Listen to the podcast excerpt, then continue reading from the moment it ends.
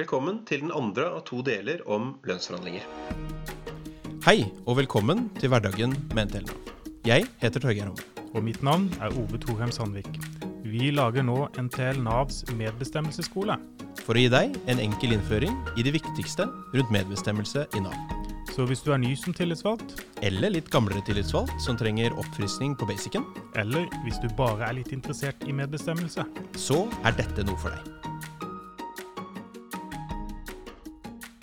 Hvis forhandlingene da blir delegert til eh, driftsenhetsnivået fra oss sentralt i Nav, etter at vi har hatt forberedende møte der, så skal det altså ned til Nav kontaktsenter, Nav familiepensjon, Nav arbeid og ytelser og eh, det enkelte fylke. Eh, hva er det de skal gjøre på driftsenhetsnivået, og hvem eh, skal gjøre det der? Ja, nei, da er det jo um, våre hovedtillitsvalgte som typisk er vår forhandlingspart. de som representerer NTL-medlemmene der. I arbeid og ytelser da, så er vi jo en hovedtillitsvalgt som representerer alle våre medlemmer i arbeid og ytelser. Så sitter jo ikke den personen og forhandler alene, selvfølgelig. Man lager seg typisk et forhandlingsutvalg som består av sånn tre til ti personer, kommer an på hvor stort det er. Så gjør de andre organisasjonene selvfølgelig akkurat det samme. Og eh, arbeidsgiver har jo sin representant. I prinsippet så skal det jo være direktøren for driftsenheten som er arbeidsgiver sin eh, forhandlingspart, så er vår motpart. Eh, men hvorvidt det alltid er direktøren som gjør forhandlingene selv, det er vanskelig å vite. Det er litt forskjellig, har jeg forstått. Så da setter man altså seg sammen i et rom da, og starter med forberedende møte? Ja, da, Hva som skal skje i et forberedende møte? ja nei, Det første man gjør, som sier, er at man har et forberedende møte. Da blir man jo eh, typisk enige om hvordan forhandlingene skal gjennomføres. Sant? Man lager en tidsplan. Så må man jo bli enige om hvordan man rent praktisk gjennomfører en, en forhandling. Det normale er at uh, alle partene lager sin prioriterte liste og sender til hverandre. La oss bruke Tell uh, som eksempel. Da? Vi mottar lønnskrav fra alle våre medlemmer. Kanskje ikke alle, men fra en del av våre medlemmer. De skriver da et krav. Så sender man det da til sin tillitsvalgt. Så må jo da en Tell uh, Nav-tillitsvalgte de lager da sin liste, hvem de mener er de som skal prioriteres øverst, de som skal prioritere nederst. Rett og slett. Og det er jo basert på vår lønnspolitikk. Kriteriene, lønnspolitikken til eh, Nav. Er det mer som skal skje i forberedende møte? Ja, det er mye som kan skje i forberedende møte. Eh, man kan bli enige om kriterier lokalt. Fordi det er jo forskjellige behov forskjellige deler av etaten. Eh, man bør jo f.eks. diskutere hvem som skal betale for disse tingene. Ikke sant? Skal man jobbe overtid eller ikke? Skal, man, eh, skal vi forhandle fra åtte om morgenen til eh, tre på ettermiddagen, eller skal vi holde på ut på kvelden? Det kan ta dager. Eh, ofte tar det to til fire dager å lønnsforhandle, men det kunne jo, hvis man hadde gjort det bare på vanlig arbeidstid, så hadde det kanskje hatt enda flere dager. Det er eh, Sånne ting får man diskutere. Ja, Man kan diskutere egentlig alt man trenger for selve forhandlingen. kan man delegere forhandlingen videre ned til enhetene. Nei, det kan man ikke gjøre. Du sier det praktiske, ikke sant? En annen ting som er viktig der, det er jo hvem som skal dekke utgiftene til de som skal forhandle. Hvordan burde det typisk eh, gjøres, syns du? Ja, Det vanlige har jo vært at arbeidsgiver har dekket utgiftene eh, for no, noen av de tillitsvalgte. Det er en del av utgiftene våre. Og ikke minst eh, mat og sånt under forhandlingene. Hvis man har forhandlet liksom, utover vanlig arbeidstid, har det vært vanlig. Så det tenker jeg er jo naturlig at man gjør også. Det er jo eh, ikke vi som ber om lokallønnsforhandlinger. Vi krever jo ikke lokallønnsforhandlinger hele tiden, vi. Vi ønsker jo for det første ikke at det skal være lokale lønnsforhandlinger i mellomoppgjørene. Det er jo en del av NTL eh, sitt uh, prinsipp- og handlingsprogram. Eh, vi ønsker heller ikke å delegere det i prinsippet videre fra etatsnivå og ned til, liksom, til hvert forhandlingssted under oss. Eh, men det har vi heller ikke noe makt over, så det tenker jeg at det er naturlig at arbeidsgiver betaler for det de selv har bedt om. Helt enig. Og det er altså sånn at det er helt klart anledning for arbeidsgiver til å dekke disse utgiftene. Det er det helt klart. Og det er ikke store utgifter det er snakk om for arbeidsgiver, men for oss så kan det jo være en del penger. Etter forberedende møte så skal man jo i gang og forhandle.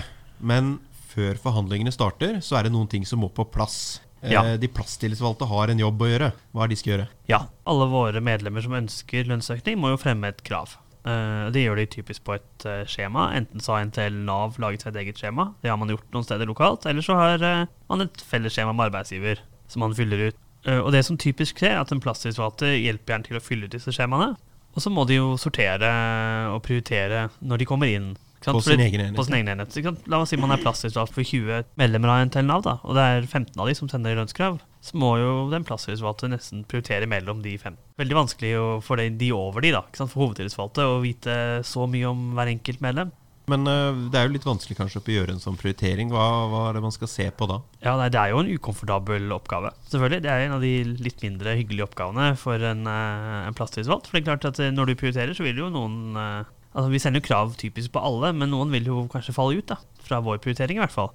Den med å se på NTL Nav sin politikk. Eh, en av de tingene som er veldig viktig for oss, er nettopp dette med lønnsutvikling over tid.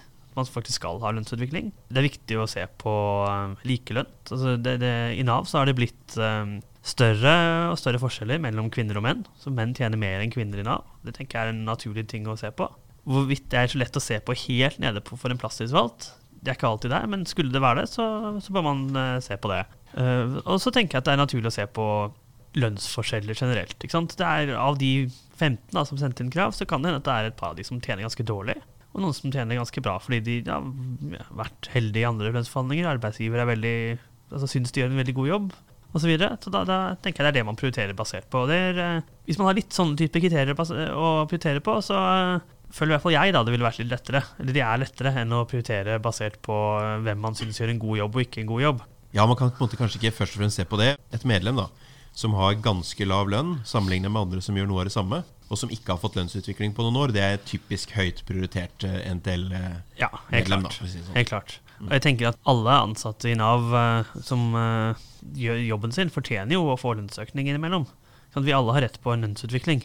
Eh, og hvis vi gjør så dårlig jobb at arbeidsgiver mener vi ikke fortjener lønnsutvikling noen gang, så må det jo arbeidsgiver gjøre noe annet med oss. Da. Da, så da er det et problem. Det henger egentlig ikke helt på grep. Nei, det gjør ikke det. En annen ting du sa blant plasstillitsvalgtes oppgaver, er jo det å hjelpe medlemmene med å fylle ut lønnskrav. Og det er jeg veldig enig med, deg i. Jeg husker sjøl det fra eh, jobben som plasstillitsvalgt på Nordre Aker. Når jeg fikk en eh, liste over medlemmene, og det var noen av de som hadde veldig lav lønn. De ville ikke sende inn lønnskrav.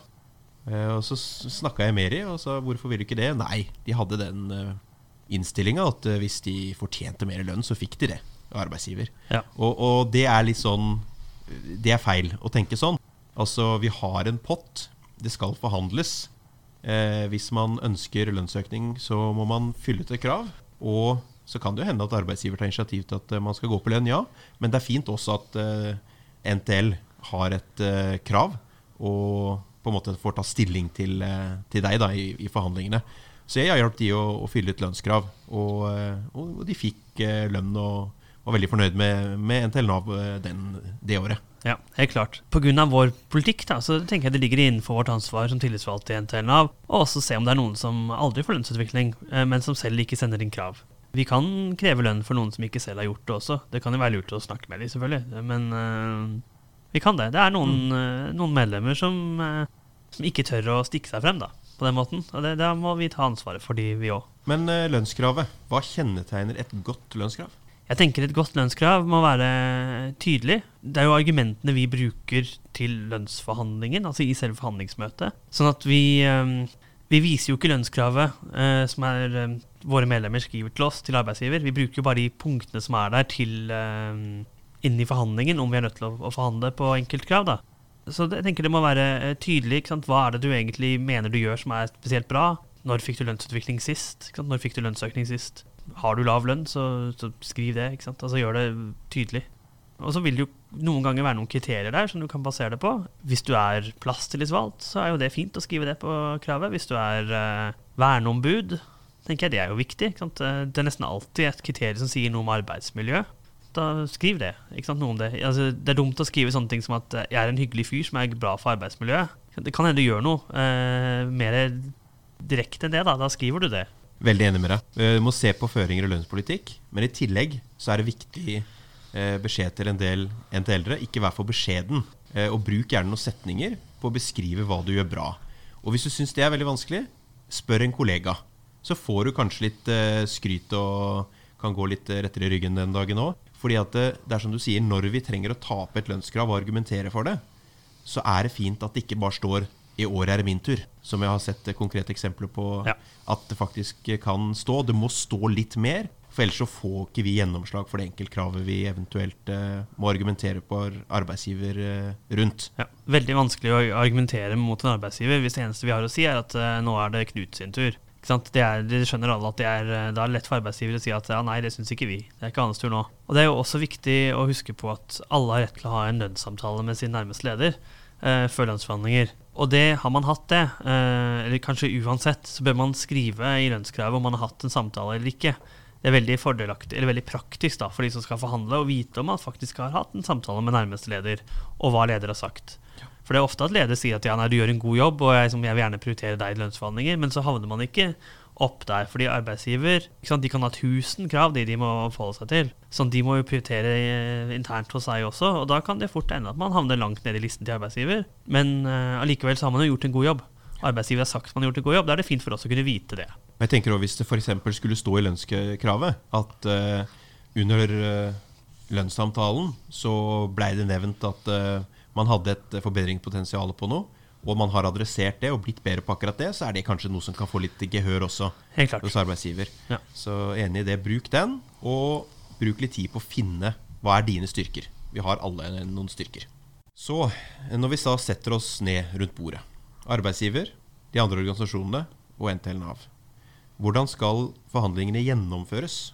Da kommer vi til det som handler om krav, kravene, egentlig utveksling av kravene. Man må kanskje starte der før man setter seg ned. NTL eh, lager sin liste med krav. Arbeidsgiver lager sin. eh, Unio lager sin. Og eventuelt de andre organisasjonene som er der, lager sin liste med krav. Og de må være nummerert, etter min mening, fra 1 til liksom 350, eller hvor mange medlemmer man da har sendt krav på. Og det arbeidsgiver må gjøre det samme. Ellers er det umulig å vite hva de forskjellige hva de forskjellige organisasjonene da, og arbeidsgiver egentlig prioriterer. Mm. Så det man typisk gjør, man lager sine lister med krav, og så utveksler man de. Eh, Det normale er kanskje at alle sender det til arbeidsgiver, og arbeidsgiver sender alt rundt til alle da, etterpå. Um, det gjør man typisk kanskje en, en dag før man faktisk har forhandlingene. Det kan kanskje Noen ganger så er det en uke før, litt ut fra man, eh, eh, hva man har blitt enige om på det forberedende møtet, og hvor mange krav man har. Og den lista som NTL Nav lager, det er basert på alle de prioriterte listene man har fått fra plasstillitsvalgte inn til de hovedtillitsvalgte eller den som forhandler da, for NTL Nav på sitt område, og så lager de igjen en komplett liste. Det stemmer. Ja. Ja. det stemmer. Og så gjør jo arbeidsgiver egentlig akkurat den samme jobben. Fordi de, La oss si at vi tar et, et fylke, så har de jo Nordland fylke, mange av de har 50 Nav-kontorer. Der kommer det krav inn fra 50 forskjellige Nav-kontorer inn til fylkesadministrasjonen og en del andre steder, som de da samler på lik linje som vi vil gjøre- gjort. Og arbeidsgiver skal også legge fram krav. Ja, det må de gjøre. Det, de, de gjør jo ikke alltid det, da. Eh, Så når jeg sier må de gjøre, så er jo ikke det alltid realiteten, men eh, det mener vi at de må gjøre. Si sånn. Og det er jo helt klart noe man bør bli enige om på forberedende møte. Helt enig. Og jeg syns også det er et godt, eh, riktig prinsipp at eh, arbeidsgiver legger fram sine krav, og ikke bare et første tilbud. Ja. Ikke sant? Men eh, etter alle har kommet med krav, da, så det, skal arbeidsgiver legge fram første tilbud. Ja, da skal arbeidsgiver legge fram første tilbud. Og det, Nå glemte vi å snakke om det i forhold til forberedende møte, men det er greit, vi kan ta det nå. at eh, En av de tingene man helt klart må bli enige om på forberedende møte, er hvor, hvordan selve forhandlingen gjennomføres i forhold til tilbud. Så normalt så kommer arbeidsgiver med et første tilbud basert på de kravene fra NTL Nav og fra Unio og fra ja, Avio, Parat osv. Og, så videre, og sine egne krav. Og det kan være kanskje 50% av størrelsen av potten, eller det kan være 60 eller 70% Det er ting man må bli enige om på forberedende møte. Kan det være 90? Jeg vil jo ikke anbefale noe mer enn 60% i hvert fall, i første runde. Eh, jeg tenker eh, jo lavere, jo bedre, fordi det gir eh, mer rom for Det gir mer rom for bedre forhandlinger fremover, da. Underkant av 50% i hvert fall syns jeg jo vil kunne vært et greit startpunkt. Da har man en del å, å flytte på og forhandle om i etterkant. For det første tilbudet vil gjerne det skal reflektere alle sine krav. Men det er ikke alltid så lett for arbeidsgiver å, å klare å få med seg alle kravene til alle. Og når, når, ikke minst når vi snakker om å reflektere alle sine krav, så må det selvfølgelig reflektere vår prioritering. Ikke sant? Det er ikke bare at tilfeldigvis eh, man er medlem igjen til eh, Nav. Det handler jo om vår prioritering. Vi har gjort, Våre tillitsvalgte har gjort en stor jobb i å prioritere. Det har jo selvfølgelig Unio og Avio tillitsvalgte også. Og arbeidsgiver. Eh, at de har gjort den jobben, de òg, da så må jo arbeidsgiver sitt første tilbud reflektere prioriteringene til alle sammen. De på toppen av vår prioriteringsliste skal nesten alltid med første tilbud. Hvis ikke så er det et eller annet, må det være noe spesielt med de, da. Si at uh, første tilbud uh, ligner veldig på arbeidsgivers krav. Og at uh, vi nesten ikke ser igjen noe tegn til våre krav. Hva kan man gjøre da? Det er jo et dårlig utgangspunkt for å forhandle videre. Hvis det ser sånn ut, så er det kanskje greit å snakke med de andre organisasjonene. Hvis de har akkurat samme oppfatning, de òg, kan man jo gå til arbeidsgiver og si at uh, her syns vi dere må prøve en gang til. Avvise første tilbud. Rett og slett avvise første tilbud. Så arbeidsgiver kan jo velge å fortsette å forhandle, men uh, det står i tariffavtalen vår at første tilbud skal reflektere uh, alle kravene. og Alle prioriteringene. Så derfor, så, hvis de ikke i det hele tatt gjør det, så er det jo for så vidt en grunn til å at man bryter forhandlingene til slutt. Da, at man ikke blir enig. Så har vi faktisk noe å klage på. Si at det første tilbudet ikke er så, ikke er så ille. Eh, da er det vel ofte sånn at de som er høyt på både arbeidsgivers eh, liste og på vår liste, de er man liksom enige om. Ja. Så tar man de ut, de har fått, og så fortsetter forhandlingene med at du ser litt mer på de som ikke har nådd opp i første tilbud, for å si sånn. Ja, ikke sant? og da vil man jo typisk, Det er jo nå man typisk da møtes fysisk i et rom, ikke sant? et forhandlingsrom, eh, hvor alle sitter sammen rundt et stort bord så vil den Nentell-tillitsvalgte kanskje si at vi har nummer 8, eh, 9 og 13 på listen vår. Har vi ikke fått med, men vi ser vi har fått med alle fra 1 til 15.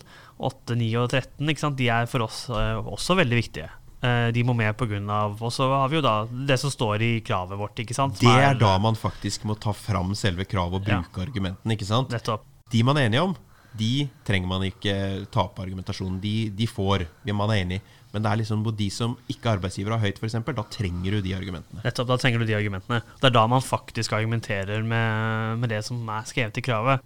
Så det er jo veldig mange av um, våre medlemmer hvor vi ikke bruker argumentasjon som står i lønnskravet. Det bruker vi bare til prioriteringen vår. Uh, vår tidlige prioritering, den som vi har gjort på forhånd. Um, mens noen ganger så må vi jo faktisk da argumentere for hvorfor akkurat den personen skal ha lønnsøkning. Og de som sitter i rommet, kjenner jo ikke alltid den personen det er snakk om. Du tar opp et navn, ja, det var André Jensen. Det er ikke sikkert at de som sitter faktisk og forhandler, kjenner den personen. Så de er helt avhengig av å ha noen fakta. Lønnsutviklinga til den personen og argumenter ikke sant? for å kunne nå opp. Ja, det er helt riktig. Vi får jo ofte gjennom de som er aller høyest prioritert på listene våre. Men vi kan ikke regne med å få gjennom alle krava. Eh, det er jo en forhandling. NTL Nav bestemmer ikke aleine hvem som skal få lønnsøkning, f.eks. Og arbeidsgiver har ikke noe styringsrett heller. Man må bli enig i forhandlingen. Ja. Men kan du si noe om hva som er en slags smertegrense på, en måte, på hva vi kan akseptere, og når vi på en måte må si at dette her er ikke bra nok? Typisk så snakker vi jo gjerne om dette med privata, ikke sant? NTL Nav sin andel. Uh, så hvis vi ja, har vi uh, 30% av de ansatte på den tariffavtalen da, er medlemmer hos oss, så tenker vi jo at vi skal ha 30% av pottens størrelse. Har vi 60% så tenker vi at vi skal ha 60% av den totale potten vi da forhandler om. Men det er jo ikke, jeg tenker det er ikke så enkelt som det, fordi eh, det er ganske mange som er medlemmer av NTL Nav, som også arbeidsgiver ønsker å gi lønnsøkning til, men som kanskje ikke vi prioriterer. Det er noen som får lønnsøkning hvert år fordi arbeidsgiver syns de fortjener det. Så er det noen som aldri får lønnsøkning. Um, så hva man egentlig Hva som er et godt resultat, avhenger både av liksom, totalsummen, men også hvem det er. Uh, jeg tenker det er et dårlig resultat hvis uh, vi bare får lønnsøkning til de som egentlig er på bunnen av vår prioriteringsliste, selv om, er, uh, selv om vi får mer enn de pengene vi sånn sett skulle ha fått. Mm. Vi, må, det, vi, har jo gjort en jobb med prioritering, da må vi også stå for den. De fleste tilfeller det har jo vist seg at NTL Nav eller NTL generelt, da, er veldig flinke til å få sin andel av potten, og litt mer også. Det, Fafo har jo undersøkt dette mange ganger. Mm. Uh, men jeg tenker det er også viktig at vi må huske på at vi har faktisk laget en prioritering. Vi, det er jo en grunn til at vi har gjort det. Det er noen som aldri får lønnsøkning. Da må vi kjempe for de òg. Veldig viktig det du sier. Altså, vi prater mye om prorata, vår andel av potten. Og det er klart vi må se til det. Men hvis ikke vi har fått igjennom de som ligger ekstremt lavt, og som aldri får lønnsutvikling gang på gang på gang, så må vi på et eller annet tidspunkt også si at ok, disse her prioriterer vi såpass høyt, men får aldri gjennomslag. Vi må ikke glemme at det er vel så viktig som andel av potten. Helt klart. På tross av det, da, så er det sånn at vi ikke får gjennom alle våre krav. Og hvis vi får gjennom mange nok til at vi må si at det var bra, for det er jo ikke vi som avgjør det aleine, så er det likevel noen vi veldig gjerne skulle hatt med. Eh, og de kanskje kjenner litt på at eh, i år var det virkelig min tur, det her eh, er ikke rettferdig. Hva er det man kan si til de? skal jo i prinsippet arbeidsgiver ta den diskusjonen med sine ansatte hvis det er noen man virkelig ikke har kunnet gi lønnsøkning til. Da er det jo viktig at arbeidsgiver faktisk tar den samtalen da, og forteller at ok, du, du får ingen lønnsøkning fordi du er, i, du er en person som er, lager et dårlig arbeidsmiljø hos oss. Et eller annet sånt. Hvis det er det som er realiteten, så må jo arbeidsgiver ta det ansvaret. Det er ikke vårt ansvar som tillitsvalgte. Og ikke bare det, altså Vi har ikke lov å si hva som er gjort eller sagt i forhandlingsmøtet Nei, eh, ikke. til et enkeltmedlem. Det var derfor du ikke fikk, for det avgjorde sa sånn, og, arbeidsgiver sa sånn. Eh, altså Det man har blitt enige om, det er det du kan si noe om. Eh, jeg har hørt historier om arbeidsgiver som sa at eh, nei, du fikk ikke for det NTL prioriterte deg ikke høyt. Og det er klart, For det første så er ikke det lov, men det kan også slett være rein løgn. For vi har ikke mulighet til å tilbakevise en sånn eh, påstand. I det tilfellet som jeg hørte, så var det faktisk rett og slett løgn. Eh, det var en person som arbeidsgiver hadde sagt, hadde sagt at det er uaktuelt for oss å støtte det kravet. Eh, og da er det litt frustrerende. Så, så jeg tenker hvis du hører den type historier, så vær litt kritisk til det du hører. Rent logisk så henger det egentlig heller ikke på greip. For det er klart, de som er aller høyest prioriterte arbeidsgiver, de kommer også gjerne igjennom. Fokuset vårt også i forhandlingene er vel på en måte å argumentere for våre krav. Det er gjerne ikke å, å argumentere mot andre. Nei. Det er gjerne ikke den dynamikken man har i uh, forhandlinger. Som det er arbeidsgiver som noen ganger kan si at den og den personen ønsker ikke vi å støtte. Vi fokuserer mest på å argumentere for våre krav. Helt klart. Ja, Veldig unntaksvis vi argumenterer mot noen krav. Da må det være noe spesielt. Når man er ferdig å forhandle, blitt enig for, f.eks., det kan man jo bli, uh, så skal man signere en protokoll Ja. møtet. Eh, hva er det som skal stå der? Ja, nei, Protokollen er jo egentlig bare en liste over hvem som har fått lønnsøkning, og eh, hvor stor lønnsøkning de har fått, altså hva den nye lønnen er. Så kan man i teorien legge til noen protokolltilførsler, kaller man det da. ikke sant? Eh, sånn som at NTL Nav syntes at dette var en dårlig forhandling, osv. osv. Et eller annet sånt. Men jeg syns det er litt meningsløst, egentlig. Det er liksom da man, ja. Hvis du er uenig, så må du jo ikke signere. Altså syns man at man ikke har fått sine prioriteringer igjennom, da så må man jo vurdere om man da går til det vi kaller brudd. Eh, å gå til brudd innebærer jo i realiteten at vi da må neste nivå opp. Da er det det sentrale medbestemmelsesapparatet og eh, arbeidsgiver sentralt. Så arbeidsgiver har ikke innfridd noen av våre viktigste krav, eller vi har fått en liten andel av potten, og vi kan ikke akseptere resultatet. Vi går til brudd, skriver en uenighetsprotokoll, Ja. og det går opp til eh, sentralt i Nav. Det er f.eks. Eh, du da sitter og tar forhandlingene videre. Forhandler vi på nytt da, eller? Nei, eh, i teorien kunne vi jo gjøre alt på nytt der. Hvor realistisk det er at arbeidsgiver for hele etaten er villig til å liksom, ta en helt ny forhandling i, eh, fra et fylke, det, det tror jeg ikke egentlig. Redd for at man ikke blir enig der òg. Så det er stor sjanse da, hvis noe sånt skjer, at man ikke heller blir enig sentralt i Nav. Og hva er neste steg eh, da? Ja, da er det Statens lønnsutvalg som er neste steg. Og det, det er jo da som nærmest en domstol for uh, lønns- og tariffmessige ting i staten. Um, hvor det da er uh, fire Altså det er en representant for hver hovedorganisasjon, så fire stykker. Fire representanter for arbeidsgiver, sånn at det er likt mellom de. Og så er det tre nøytrale. Uh, de er, vel, de er vel alle egentlig dommere.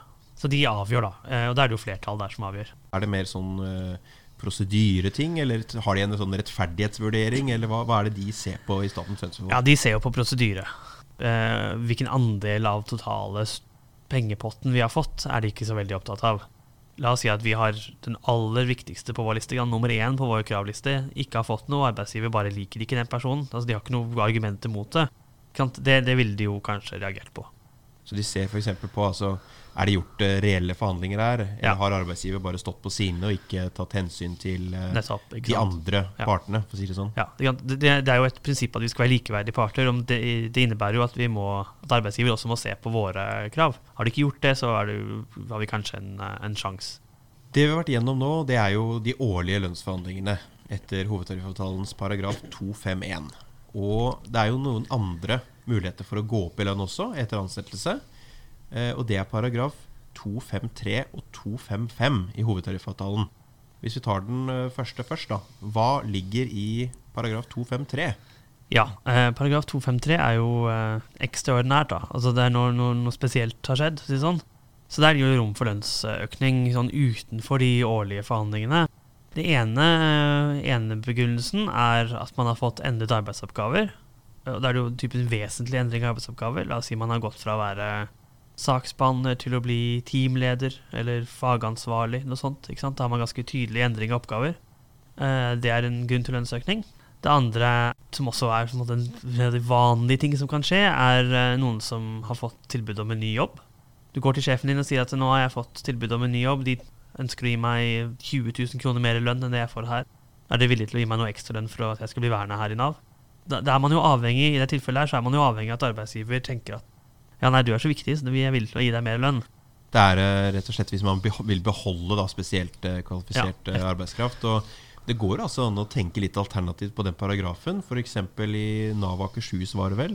Tidligere så hadde man jo det sånn at når man blei, jeg tror det var 62, så fikk alle som blei 62, et lønnstrinn på paragraf 253 i Nav Akershus. Det var man enige om, fordi at det var viktig å beholde den seniorkompetansen og den erfaringa. Ja. Og det er jo litt eh, bruk av den paragrafen som jeg har litt sansen for. Ja, sånn kan man selvfølgelig tenke. Noe av problemet med den, eh, den beholderdelen da, av 253 er at det er det arbeidsgiver som har all makt. Så der kan vi ikke gå til dette statnøttsutvalg for å få um, prøvd saken. Altså Der er det arbeidsgivers siste ord. Men altså på tross av at det er arbeidsgiver som har siste ord, så skal det jo være forhandlinger på den paragrafen. Eh, hvordan gjennomføres den type forhandlinger i Nav? Ja, eh, Det som handler om beholderkrav Min erfaring er at det typisk behandles eh, per e-post. Fordi de er liksom ikke så store altså, Der har ikke vi som fagforening noe vi skulle sagt, egentlig. Det haster jo ofte. ikke sant? Noen har fått tilbud om en ny jobb. Den personens leder sier at ok, en kjempeviktig person for oss, vi er villige til å gi 50 000 kroner mer i lønn for å beholde personen. Da må du jo svare med en gang. ikke sant? Er, eh, får du et jobbtilbud, så du kan du jo ikke vente i tre måneder på å svare om ja eller nei til jobbtilbudet. Det er, noe med, det er gjerne hast der, så det skjer veldig ofte på er- e-post.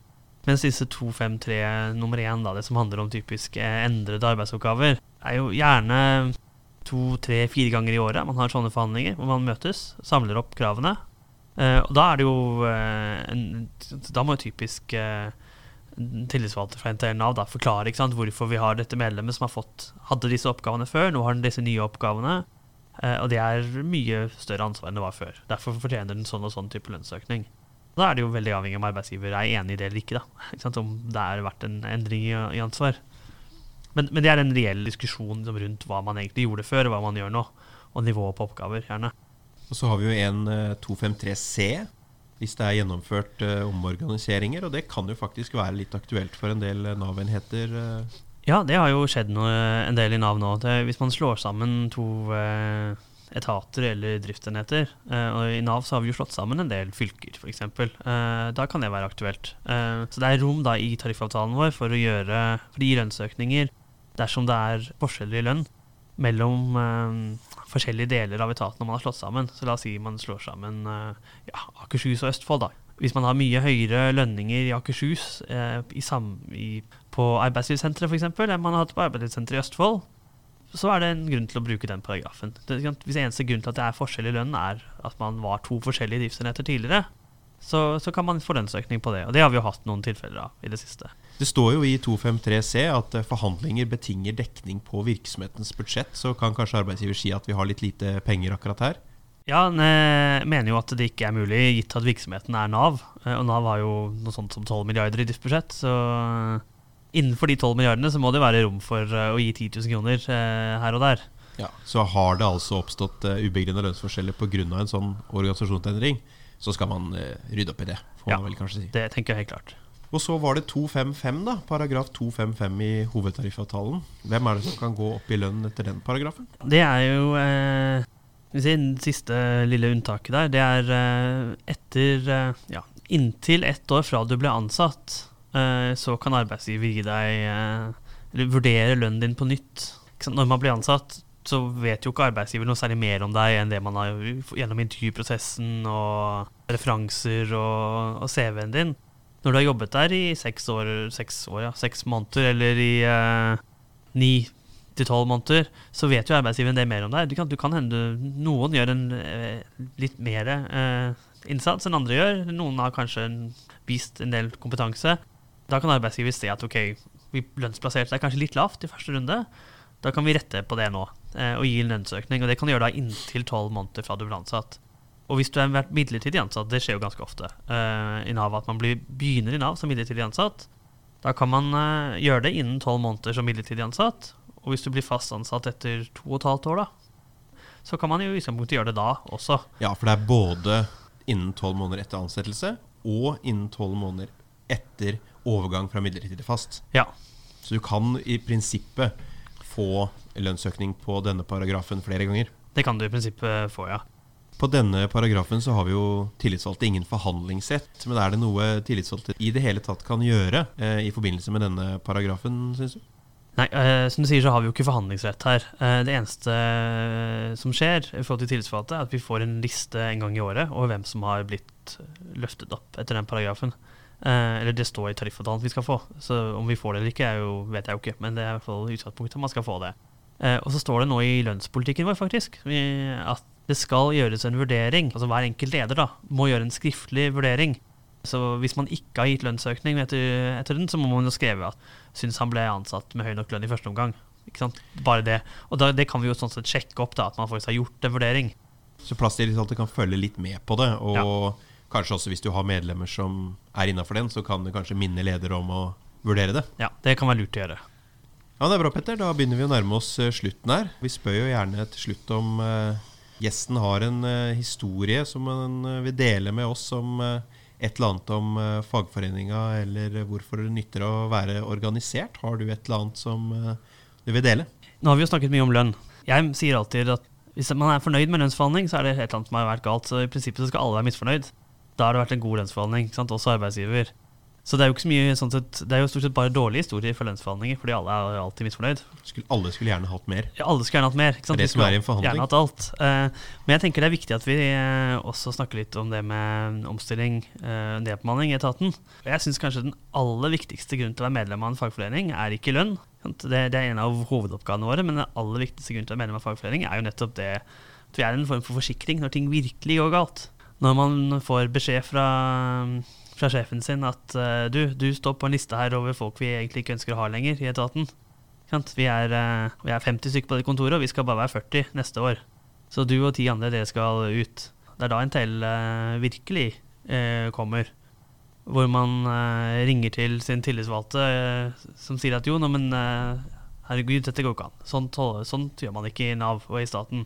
Og vi har liksom hele støtteapparatet med Landsforeningen, og vi har eh, forbundet vårt i NTL som hjelper til og har masse juridisk kompetanse. Vi har eh, LO-juristene som kommer inn, og vi kan faktisk eh, kjempe da, for arbeidsplassen din. For at du skal beholde arbeidsplassen din, og at vi ikke, kvitter, at vi ikke sparker ut noen som har eh, jobbet her i 30 år. Vi har jo gitt mye av eh, arbeidslivet vårt til etaten. Nå har vi heldigvis ikke så mange sånne enda da. Det er ikke så mange ganger vi har eh, Det er veldig få i Nav som har blitt, eller ingen som har blitt sagt opp så langt pga. nedbemanning. Og det tenker jeg er eh, Det skal vi også sørge for at det ikke blir. Vi skal ikke ha noen eh, av våre NTL-medlemmer som sies opp pga. nedbemanning. Ja, men Den er fin. Veldig viktig grunn til at vi har en fagforening. Men da eh, sier vi takk for at du kom, Petter. Ja, takk for at jeg fikk lov til å komme hit. Ha det bra. Ha det bra. Takk til deg som hørte på. Hvis du har spørsmål eller kommentarer, Ris eller ros, så er vi veldig takknemlige om du sender en e-post til torgeir.homme. alfakrøll nav.no.